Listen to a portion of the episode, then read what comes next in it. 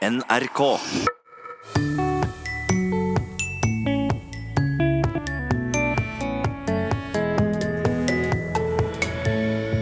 Hva er et godt språk for en av Norges største internasjonale forfattere for tida? Maja Lunde. Jeg tenker at et godt språk er et språk som er tro mot fortellingen og tro mot de menneskene det fortelles om. Og var det slik at Åsmund Olavsson Vinje var den første som brukte begrepet grasrota i offentlig sammenheng? Den var ukjent for meg. Sa Toril Oppsal i Språkteigen forrige uke. Men da er lyttere gode å ha. Ja, og det er så flott. Og dette her stemmer jo. Og still opp for en time med latin, der matematikk er dagens tema. Vel møtt til Språkteigen. Jeg er blitt forfatter fordi jeg skriver. Eh, Jeg skrev aldri fordi jeg ville bli forfatter. Det sier Maja Lunde, en av Norges største internasjonale forfattere for tida. Hun har solgt en million bøker. Romanen Bienes historie er oversatt til 36 språk. Nå er det aktuell med ny roman. Hvor viktig er språket når forfatter Maja Lunde setter seg ned for å skrive? Det er jo språket som driver, eh, driver fortellingen fremover. Så veldig ofte så finner jeg jo de menneskene jeg skriver om gjennom språket og gjennom stemmen deres. Eh, Da jeg begynte å arbeide med byens historie, så skrev jeg f.eks. noen prøvekapitler med de tre ulike karakterene.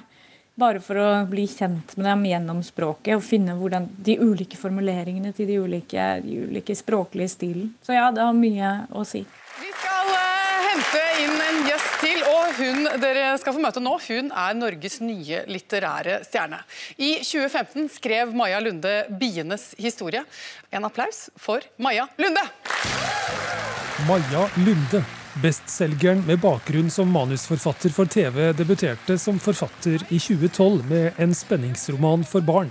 Tre år senere debuterte hun med voksenromanen 'Bienes historie', som nå er oversatt til 36 språk. Hennes historie om eh, biene og deres skjebne har fascinert lesere verden over. Språklig er det ikke så stor forskjell på å skrive for barn og voksne, sier hun. Eh, nei, jeg skriver jo veldig ofte jeg-fortellinger. Og da handler det jo for meg om å finne en god stemme til den karakteren jeg skriver fra, gjennom. Og hvis jeg skriver om en elleveåring, da, så er det jo å finne et mest mulig troverdig språk til den elleveåringen. Og da opplever jeg egentlig at når jeg går inn i det på den måten og bruker språket som en vei inn til identifikasjon, så trenger jeg ikke å tenke på lesere eller målgruppe. For da ligger det hele tiden i språket, da. Maja Lunde er en produktiv forfatter med tolv bokutgivelser bak seg på sju år. Hvor lang tid bruker hun på å formulere setninger før hun er fornøyd? Jeg formulerer meg veldig mange ganger. Ofte så kommer førsteutkastene til bøkene ganske fort. Eh, Jeg bare får de ut. Og da allerede mens jeg er i denne flow-fasen som et førsteutkast gjerne er, så kommer det en god del formuleringer som jeg blir fornøyd med, som er ganske sånn intuitive. Eh, Men så jobber jeg også veldig veldig mange ganger med hver roman. Med Psjevalskijs 'Hest' nå, den siste romanen min, så skrev jeg meg gjennom ti ganger. Og da er særlig de siste eh, gjennomskrivingene veldig fokusert på det språklige. Da, på setningskonstruksjon, på ordvariasjon. På at hver setning skal sitte og være tro mot fortellingen og mot det mennesket som, som forteller den. Da. Men når jeg sitter og pirker og pirker og pirker, så kan det være ganske tungt. Og veldig oppleves iblant veldig sånn, sånn teknisk, nesten. Fordi at jeg må inn i setningene og virkelig ja, se på hver enkelt av dem. Da, og blir ja, kanskje ikke teknisk er riktig ord, men veldig analytisk. Og nå med den siste romanen min, så har jeg jo veldig mange ulike fortellerstemmer. Og da hadde jeg jo en utfordring med å få hver av de til å oppleves som troverdig og være sanne, da. Så da brukte jeg utrolig, og Den er 550 sider lang også, så jeg brukte lang lang tid på å gå igjennom det. Og da måtte jeg jobbe individuelt da, med hver av fortellerstemmene, også helt inn til det siste. Eh, og prøve å huske på hva jeg hadde gjort i forskjellige, og være hele tiden holde tunga rett i munnen. da. Maja Lundis bøker blir oversatt til stadig flere språk, men sjøl sier hun det norske språket har flere valgmuligheter enn andre. Eh, vi har jo valg mellom konservativt og radikalt bokmål, f.eks., og å tenke på så gammeldags versus moderne språk. Og jeg forsøker å bruke alle de ulike formene, da. Eh, mer eller mindre ekstremt i de forskjellige stemmene som jeg skriver frem. Eh, og det syns jeg er veldig veldig gøy. Og det er det disse oversetterne sier, er at de har ikke samme, de samme valgmulighetene på mange andre språk, så der må de finne andre løsninger for å få frem disse forskjellige stemmene da, som vi har. Eh, som jeg har benyttet meg av bokmålets mange valgmuligheter for å få til. Vi skal tilbake til 1942, og fire barn er på flukt fra nazistene. Tyskere! Otto, du først, og så tar de imot Sara. Barneboka hennes 'Flukten over grensen' filmatiseres. Hollywood har for lengst sikra seg TV-rettigheter til bestselgeren 'Bienes historie'. Og sjøl skriver også Maja Lunde manus for TV-serier. Bl.a. for Side om side på NRK1. På sånne skolefrokoster så er det 90% folkepålegg. Og fatet fra Kopperud det skal skinne i mørket. Skjønner du? Jeg får ganske ofte spørsmål om hva som er forskjell på å skrive for TV og film og skrive roman. Eh, fordi at jeg er også manusforfatter. Og jeg opplever at når jeg skriver TV og film, så skriver jeg fra utsiden. Jeg skriver hvordan noe ser ut, og hvordan noe høres ut. Mens når jeg skriver eh, skjønnlitteratur, så skriver jeg fra innsiden. Jeg skriver om hvordan noe oppleves. Eh, og da er jo språket også veien til den opplevelsen. Begynner med at dere titter utfor stupet, ser på hverandre. Hva gjør vi nå? Jeg har alltid skrevet, alltid lagd historier og hatt utrolig mye fortellinger i hodet. Det tar liksom aldri slutt. da. Utrolig mange ideer. Jeg har så mye du aner ikke hvor mye som ligger på PC-en min. Eh, så det er vel noe med den der ustoppelige hjernen min som må få utløp på en eller annen måte, og gjør det gjennom skrivingen. Og over hele landet leser små og store de siste kapitlene i Maja Lundes adventsbok Snøsøsteren. Barneboka Snøsøsteren ble kjøpt av 250 000 personer. Til sammen har Maja Lunde solgt over én million bøker på verdensbasis. Men helt fornøyd med språket blir hun aldri. jeg, hvis du hadde gitt meg mulighet, så hadde jeg sikkert sittet og pirket på gamle tekster ennå. Så det er vel helt sånn til slutt så river redaktøren det mer eller mindre ut av hendene på meg, tror jeg. Jeg finner alltid noe nytt da, som jeg kunne tenke meg å omformulere eller gjøre noe med. Men eh, så må man jo til slutt bare si at nok er nok. Og noen ganger på slutten så blir det jo gjerne sånn at jeg skriver meg bortover. da. Jeg skriver meg ikke oppover i kvalitet, jeg bare gjør det annerledes for endringens skyld. Og da er det vel godt en slags sånn trøtthet i manuset, tror jeg. Så da er det veldig godt at man har andre mennesker som sier at nå er du ferdig. Det sa forfatter Maja Lunde til reporter Stein S. Eide.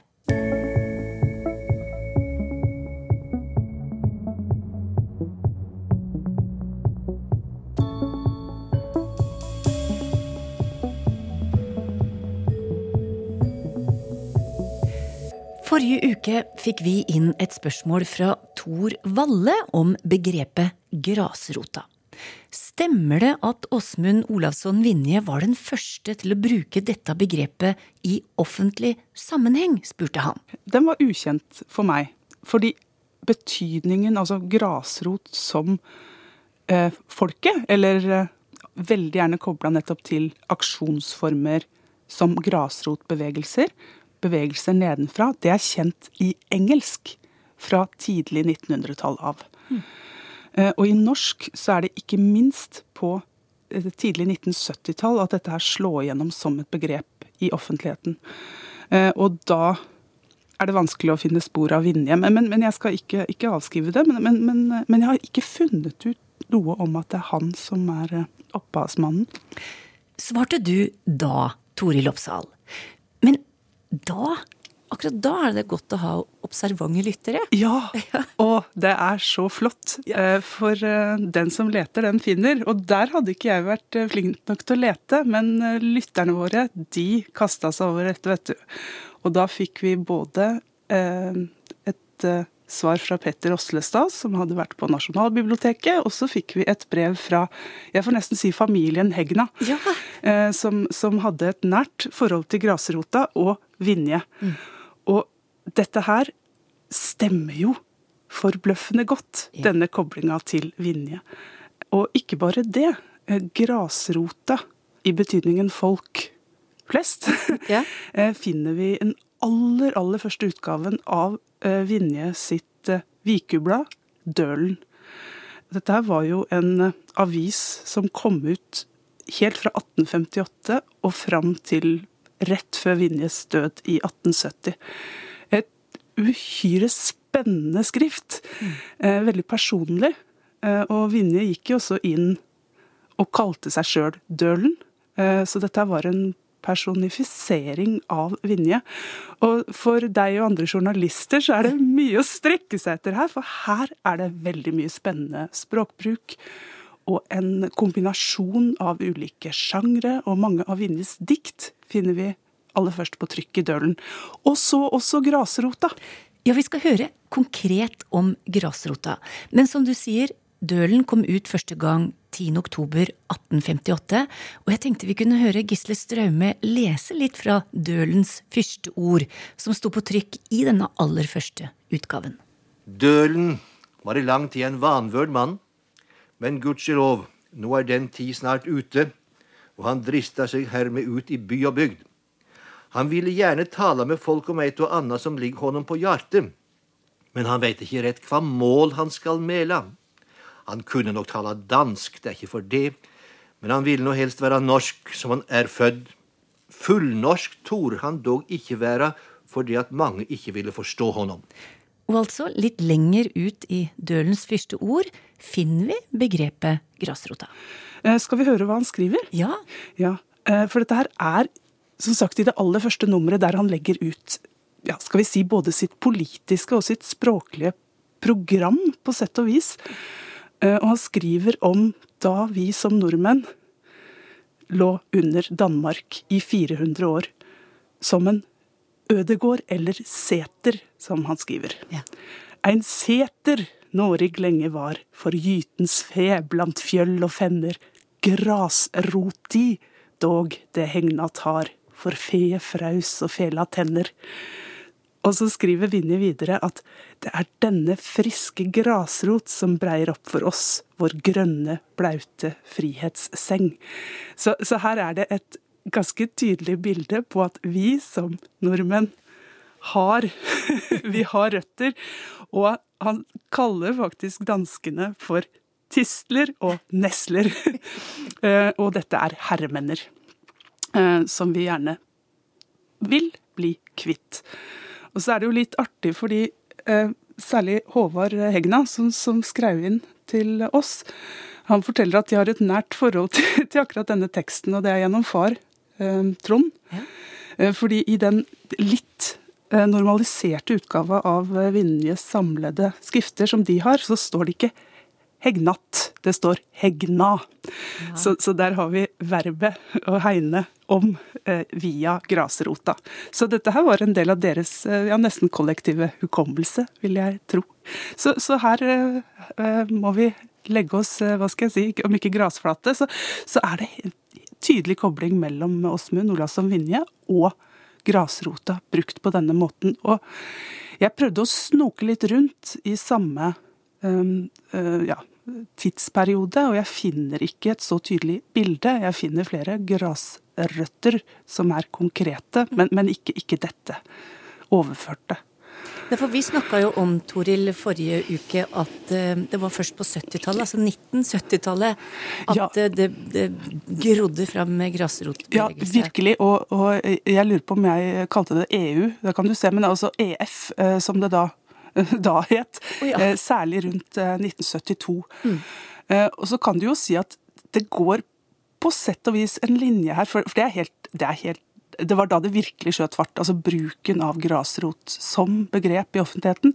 Men, men, det, men det er jo også en linje her mellom denne språklige grasrotbevegelsen som, som Vinje her er eksponent for. For det, det er jo litt viktig å få fram her at det var i Dølen han begynte å skrive Ivar Aasens landsmål, Vinje.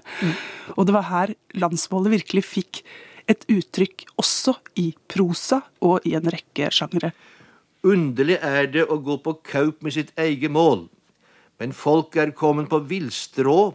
Det ville gjerne finne den rette vegen, men kan ikke alltid finne den. Mitt mål, likså litt som noen annen manns nå for tid, vært vel det endelege, Men av disse emner og andre til vil i mannsaldrar et nytt, heilt og velklingende mål ihopsekkjast, som skalden vil kunne spille på som et velstemt, fulltonende orgel. Eh, Og det var også Noregs Mållags eh, store mantra, det å tale dialekt og skrive nynorsk. Og det var jo også noe flere forbinder med, med 1970-tallet. Og også en folkereisning fra grasrota. Mm. Innspillet fra Petter Åslestad og Håvard Hegna sendte meg rett inn i NRKs store arkiv og til Nasjonalbiblioteket for å oppdatere meg litt på Vinje, og på avisen Dølen. Og det var spennende å lese. Og så kan jeg jo også eh, skyte inn at Åsentunet har lagt ut en god del av eh, Vinjes tekster eh, digitalt. Eh, så, så der har vi også en inngang. Men, men absolutt, her er det mye å hente, og vi må jo bare takke lytterne våre så, som, som leter og finner. Ja, det må vi. Og da fikk vi kobla Vinje helt korrekt til begrepet grasrota. Takk òg til deg, Toril Oppsal.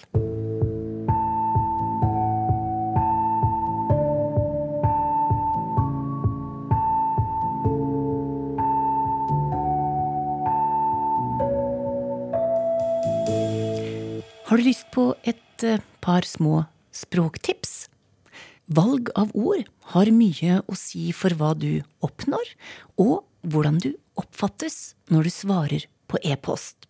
Og kollega Helle Therese Kongsrud har plukka opp noen småtriks fra designer og illustratør Danny Donovan. Og jeg tenkte du skulle få et par. En. Hvis du har fått en forespørsel du kanskje burde ha svart på for ei stund siden, men som på litt uforklarlig vis har vært liggende i innboksen din litt for lenge, da har du kanskje mest lyst til å starte svaret ditt med noe slik som Beklager seint svar. eller Beklager forsinkelsen. Men i stedet for å legge deg flat, kan du bygge opp mottakeren og skrive Takk for at du har vært tålmodig. to. Når en skal avtale at noe skal gjøres, er det jo lett å overlate det å finne et passende tidspunkt til den andre parten. Du skriver kanskje noe slik som Når passer det for deg? Men din timeplan teller da òg, så hvorfor ikke komme med et forslag sjøl? Passer det for deg på tirsdag klokka 14?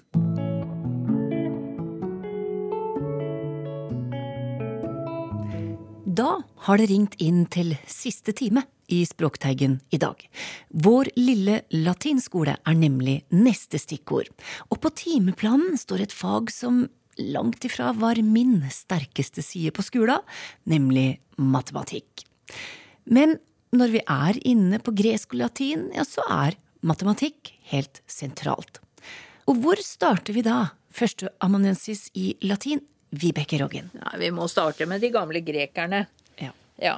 Og hvem er det vi starter med da? Eh, Vi kan starte med Pythagoras. Han eh, levde ikke i dagens Hellas. Vi skal huske på at den greske kulturen i antikken var mye mer utstrakt enn det som er dagens Hellas, både mot øst og mot vest. Så Pythagoras levde i dagens Italia. Dagens, ja, Sør-Italia og Sicilia var i stor grad gresktalende i antikken, og som også store deler av dagens Tyrkia.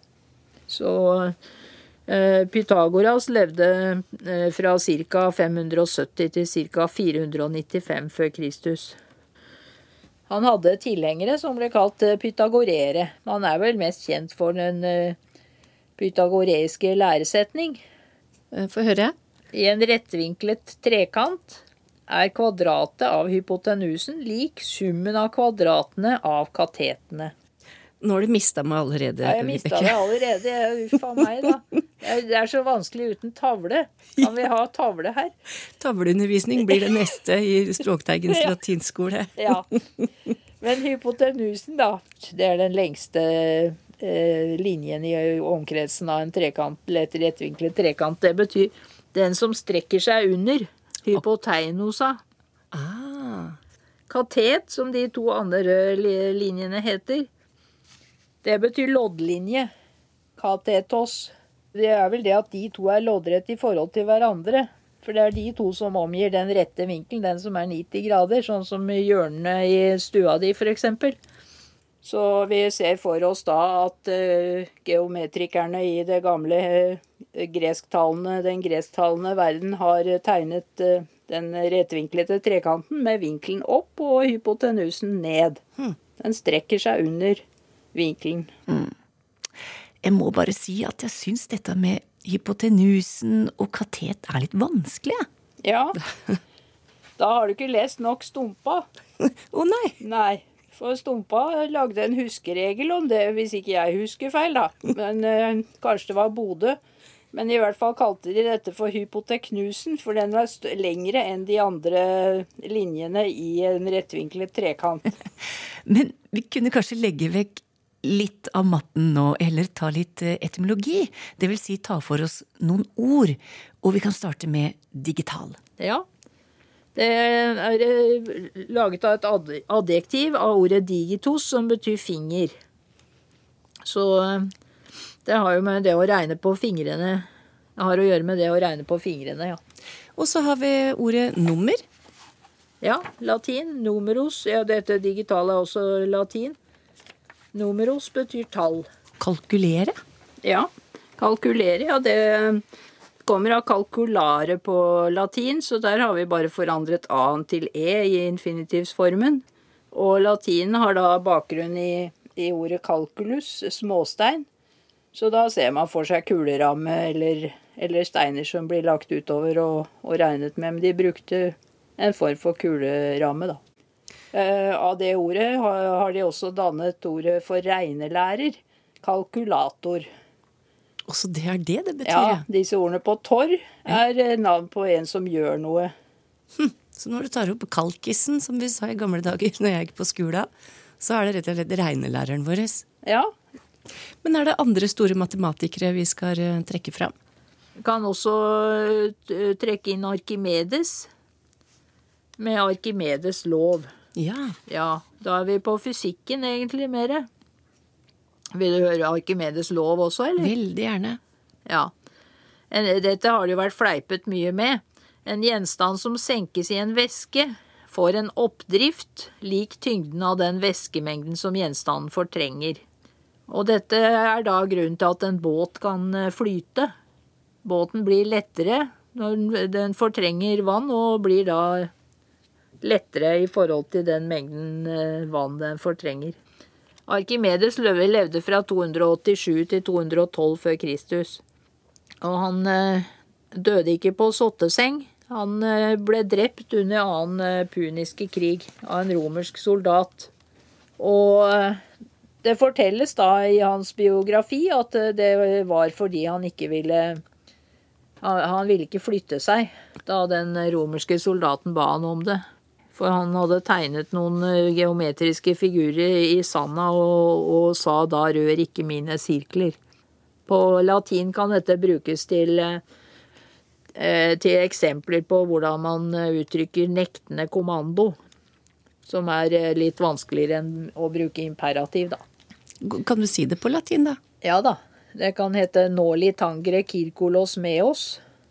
Ikke rør mine sirkler. Og med samme betydning 'ned til tigris kirkolos meos'.